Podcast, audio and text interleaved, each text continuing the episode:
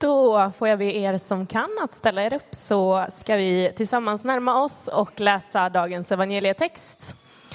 Den hittar du i Johannes evangeliet 16 kapitel eh, och den ska vi se här.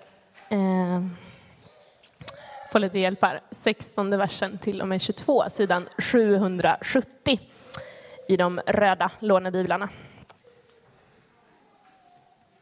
En kort tid och ni ser mig inte längre. Ännu en kort tid och ni ska eh, se mig igen. Då sade några av lärjungarna till varandra. Vad menar han när han säger en kort tid och ni ser mig inte längre? Ännu en kort tid och ni ska se mig igen. Eh, och när han säger jag går till Fadern de sa, vad menar han med en kort tid? Vi förstår inte vad han säger. Och Jesus märkte att de ville fråga honom och sa till dem, ni undrar varför jag sa en kort tid och ni ser mig inte längre, ännu en kort tid och ni ska se mig igen. Sannerligen, jag säger er, ni kommer att gråta och klaga, men världen ska glädja sig. Ni kommer att sörja, men er sorg ska vändas i glädje. När en kvinna ska föda har hon det svårt, för hennes stund har kommit. Men när hon har fött sitt barn minns hon inte längre sina plågor i glädjen över att en människa fötts till världen. Nu har också ni det svårt, men jag ska se er igen och då ska ni glädjas och ingen ska ta er glädje ifrån er. Så lyder det heliga evangeliet. Lovad vare du, Kristus. Så ber vi dig helige Ande att du låter också detta ord bli levande och till mat för oss den här dagen. Amen. Jag tänkte den här stunden eh, säga någonting om de här verserna. Sen tänkte jag säga några saker om den andra texten som också gäller för den här söndagen. Den är från Hebreerbrevet. Och sen tänkte jag försöka knyta ihop det och till dagens tema, vägen till liv. Men låt mig börja med att påminna om någonting som är väsentligt när man läser Bibeln. Texterna är ofta liksom i olika skikt och har liksom olika målgrupper när man läser. Och det är de här tre målgrupperna. Det första är vad betyder en text för dem det handlar om? De vi läser om. Det andra som är väsentligt att ställa sig och fråga är vad handlar, vad tyder texten för dem som författaren skriver till? Och för det tredje målgruppen, vad betyder texten för oss som läser det här idag? Låt oss ha med det när vi närmar oss de här texterna. Och så börjar vi med vad betyder texten för dem som hörde det där och då? Det vill säga lärjungarna som befann sig med Jesus strax före påsken och hör nu ett längre avskedstal av sin ledare. Och i det här avskedstalet så förbereder Jesus dem på att en kort tid så kommer jag vara ifrån er. En kort tid kommer jag lämna er och den tiden ska präglas av något speciellt. Med starka kontraster ni kommer vara förvirrade, ni kommer sörja, ni kommer klaga. Därför att allt det ni har satsat på, det ni trodde på, det ni satsade era liv under tre år kommer att lämna er, kommer dö. Men världen, och det här är lite ironiskt, att världen i den här bemärkelsen är Jesu fiender, det vill säga de religiösa ledarna. De kommer glädja sig. Och så förbereder han dem på detta. Och vi vet inte. Vi vet inte om de fattar detta riktigt. va?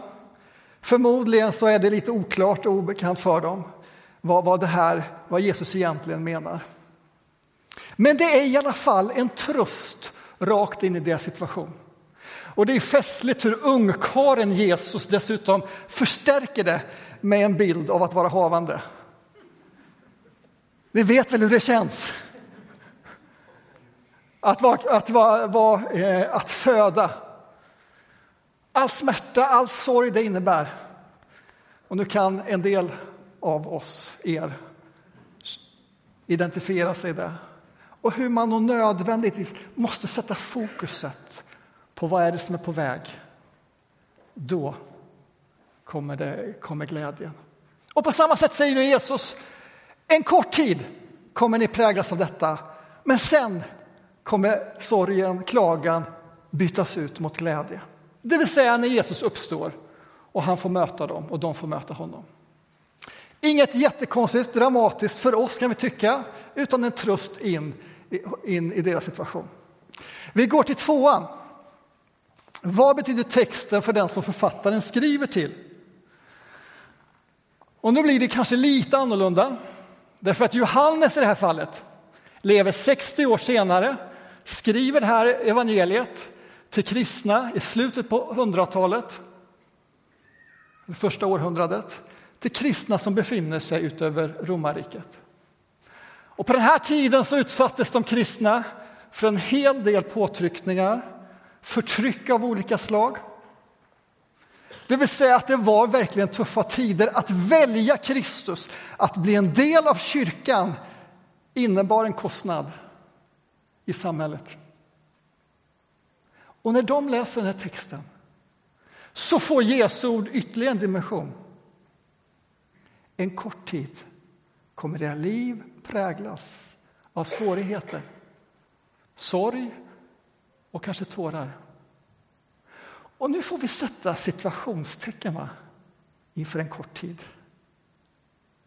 Därför att det är en sak för lärjungarna som fick Jesus frånvarande en helg.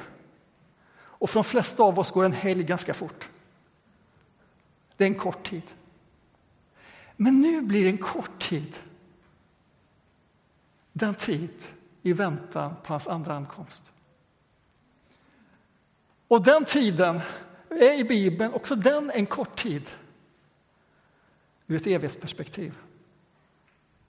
Ni får vara beredda på att detta kommer hända, men liksom kvinnan som ska föda har fokuset på att en dag ska er sorg bytas ut till glädje när jag kommer. Okej, okay, då går vi till trean. Vad betyder texten för oss som läser den idag? Ja, nu är det ju lite kanske lurigare. Kan vi identifiera oss med församlingarna på Johannes evangelisk tid? Ja, en del församlingar, eller många församlingar utöver världen kan naturligtvis göra det. Men en västerländsk, svensk, välbärgad, välmående på många sätt församling kanske ibland har svårare, liksom med många texter, att riktigt hitta anknytningspunkten. Men kanske vi kan ana att liksom för, för lärjungarna så kan vi uppleva att det vi satsar våra liv på, att det vi bygger upp på ett eller annat sätt skakas. Åtminstone rubbas lite grann. Och att det gör någonting med oss. Om inte sorg och tårar så det väcker någonting i våra liv. Och jag skulle vilja utveckla det spåret genom att gå till vår andra text. Nu lämnar vi tills vidare Johannes evangeliet och går till Hebreerbrevet. Hebreerbrevet är skriven, om vi tänker oss punkt två där, till en annan målgrupp. Hebreerbrevet är skrivet till judar som har blivit kristna och som naturligtvis då lever med frågor som vad har det här gamla förbundet, det vill säga när judarna som slaktade och offrade och hela det systemet, vad har det med nu det nya förbundet? Där Jesus nu har blivit offret. Hur förhåller sig de här förbunden? Och här finns en hel del och Hebreerbrevet är fylld av jämförelser och hur det nya förbundet fullbordar det gamla förbundet. Allt det här som vi knyter an till i nattvarden sen. Och när vi kommer in nu i två versar, i kapitel 13, i vers 11, så är det just mitt i en sån liten jämförelse som författaren ger. Han skriver, eller om det är en hon, för författaren är lite osäker vem det är. När översteprästen bär in offerdjurets blod i helgedomen som syndoffer bränns kropparna utanför lägret. Därför led också Jesus utanför stadsporten för att med sitt blod rena folket. Låt oss då gå ut till honom utanför lägret och dela hans smälek. Ty här på jorden har vi ingen stad som består, men vi söker den stad som skall komma. Ja, för dig som känner dig ovan, obekant vid bibelordet kan det här kännas, hallå, vad betyder det här? Jo, han gör jämförelsen nu igen, författaren. Han har jämfört och sagt att Jesus är det nya altaret, han är den nya översteprästen, han är det nya offret. Och så gör han en jämförelse till här. När han säger att det här offret som översteprästen på försoningsdagen en gång per år gjorde, så slaktade man ett offer, ett, ett, ett djur. Men just det här offret hanterade man på ett speciellt sätt. Blodet skulle in i det allra heligaste rummet, mitt i det religiösa centrum och stänkas på ett altare till syndernas förlåtelse. Men kroppen, köttet av djuret, det skulle bort därifrån. Det skulle brännas upp utanför staden.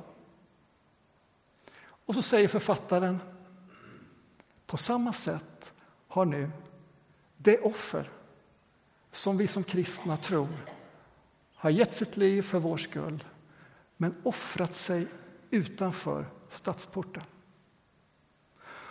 Och så säger han till de här judekristna, ta nu och släpp taget, tilltron till detta offersystem och gå nu ut och fullt ut identifiera er med honom som dog där utanför staden, ute i periferin. Och så fortsätter han lite märkligt kan man tycka. Det är ju väldigt liksom tvära kast i första läsningen. För här har vi på jorden ingen stad som består. Vi söker den stad som ska komma. Ah, vad menar han nu då? Ja, jag tänker så här.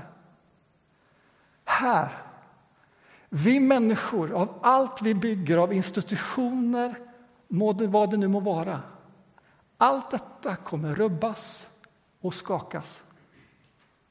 Och det här har författaren talat mycket om i Hebreerbrevet. Inte minst i kapitlet innan, där han säger att allt ska skakas. För att ett rike som inte kan skakas ska få dominera skapelsen. Eller som man säger här, vi väntar på en stad som ska komma. Släpp nu taget om detta offersystem och gå nu ut och fullt ut identifiera er med honom. Vilket judarna fick vara med dem, de judekristna, då på 70-talet när templet invaderades och förstördes och detta offersystem föll ihop. Okej, okay. det var någonting. Vad betyder det för dem i den texten? Vad gör vi nu av de här två texterna i relation till oss? Det låter ganska mycket va, om saker som inte kändes så där kanske yes, nu vet jag hur nästa vecka ser ut i mitt liv. Hur ska vi koppla det här till oss? låt mig säga några eller tre saker. För det första, vi lever i den korta tid, korta, i väntan på Jesu ankomst. I väntan på att han ska komma med den stad som består. Att han ska komma med den glädje som ska få bytas ut ifrån den kanske förvirring, sorg och smärta. Två, denna tid präglas också för oss av att allt, eller mycket åtminstone, kommer förr eller senare att skakas. Och nu behöver jag ta fram något som illustrerar detta.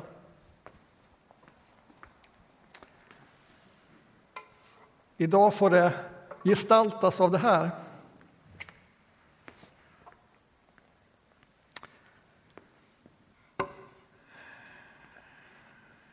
Det skulle vara intressant att fundera på, och höra vad ni tänker. Men ni som snickrar hemma, ni ser direkt vad det är. Är det någon? En regel, bra. Får vi hoppas att tolkarna här klarar detta. Vi har en arabisk tolk idag här, får se om det går. Det här är en träregel som används när vi bygger väggar. Eh, inte den kraftigaste dimensionen, vilket gör att den här kanske inte ska användas om vi ska bygga någon tungt bärande vägg. Men den får ändå idag symbolisera det som vi människor bygger. Det som vi människor sätter vår tillit till. Men som också kan skakas och rubbas. Som det gjorde för lärjungarna under den här påskhelgen som det gjorde för Johannes läsare och som det på ett eller annat sätt också kan göra rakt in i vår tid. Och då vill jag att du funderar på vad tänker du på? Vad är det i ditt liv eller i vår värld som du knyter an till som just nu skakas, rubbas?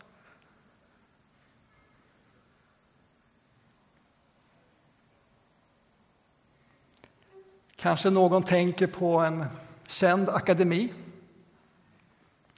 som har sin stolthet under några hundratals år. Jag ska inte gå in mer på det, men som upplever just nu att det skakas till lite grann. Andra av oss kanske tänker på det vi hör ganska ofta på ekonominyheterna. Nu skakar börsen. Vilket den gör och förmodligen kommer göra till och från. För en del kan det innebära att det man har byggt upp, kanske ett företag, skakas av någon anledning.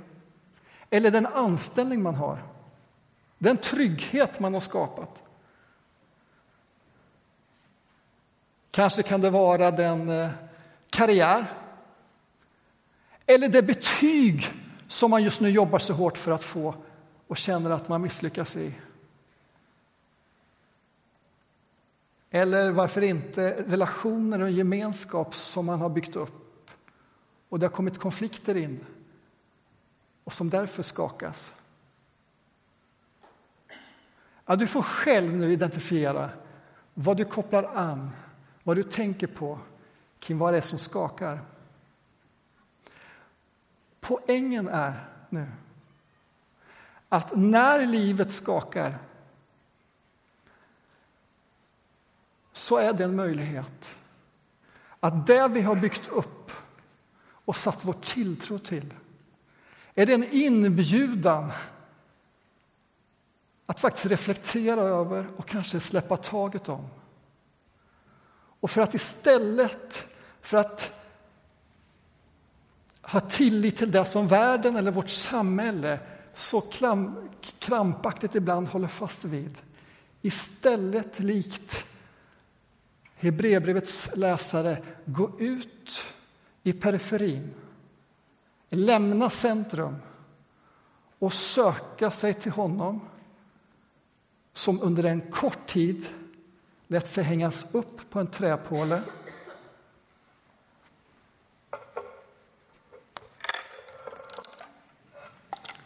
Jag är inte så stark. Jag erkänner att det var förberett.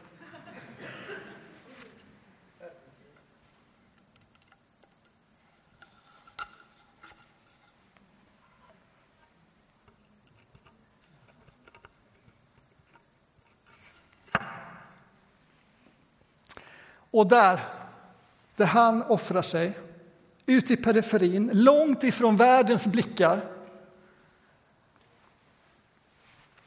där bjuda in honom. Oavsett om jag har levt med honom länge eller inte. Och säga Jesus, låt någonting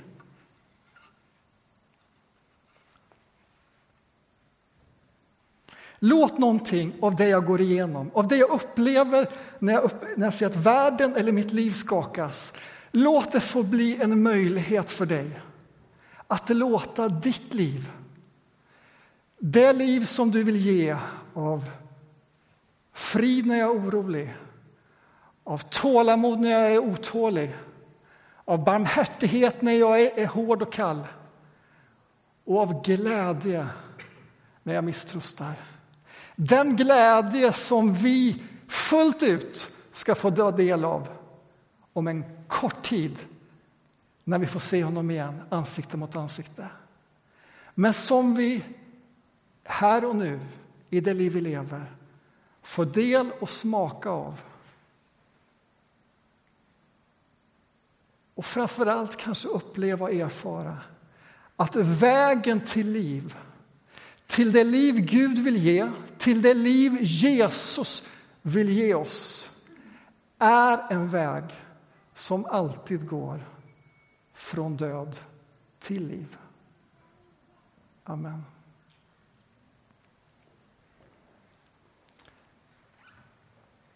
Jesus, jag vill bara tacka dig för det. Jag vill också be dig här och nu om hjälp i det som vi just nu tänker på, upplever, om det är utöver världen eller om det är våra egna liv som kan skaka. Vi ber om din hjälp att släppa tag och sätta vår tillit fast där ute i periferin där du dog och vänta dig åter. Amen.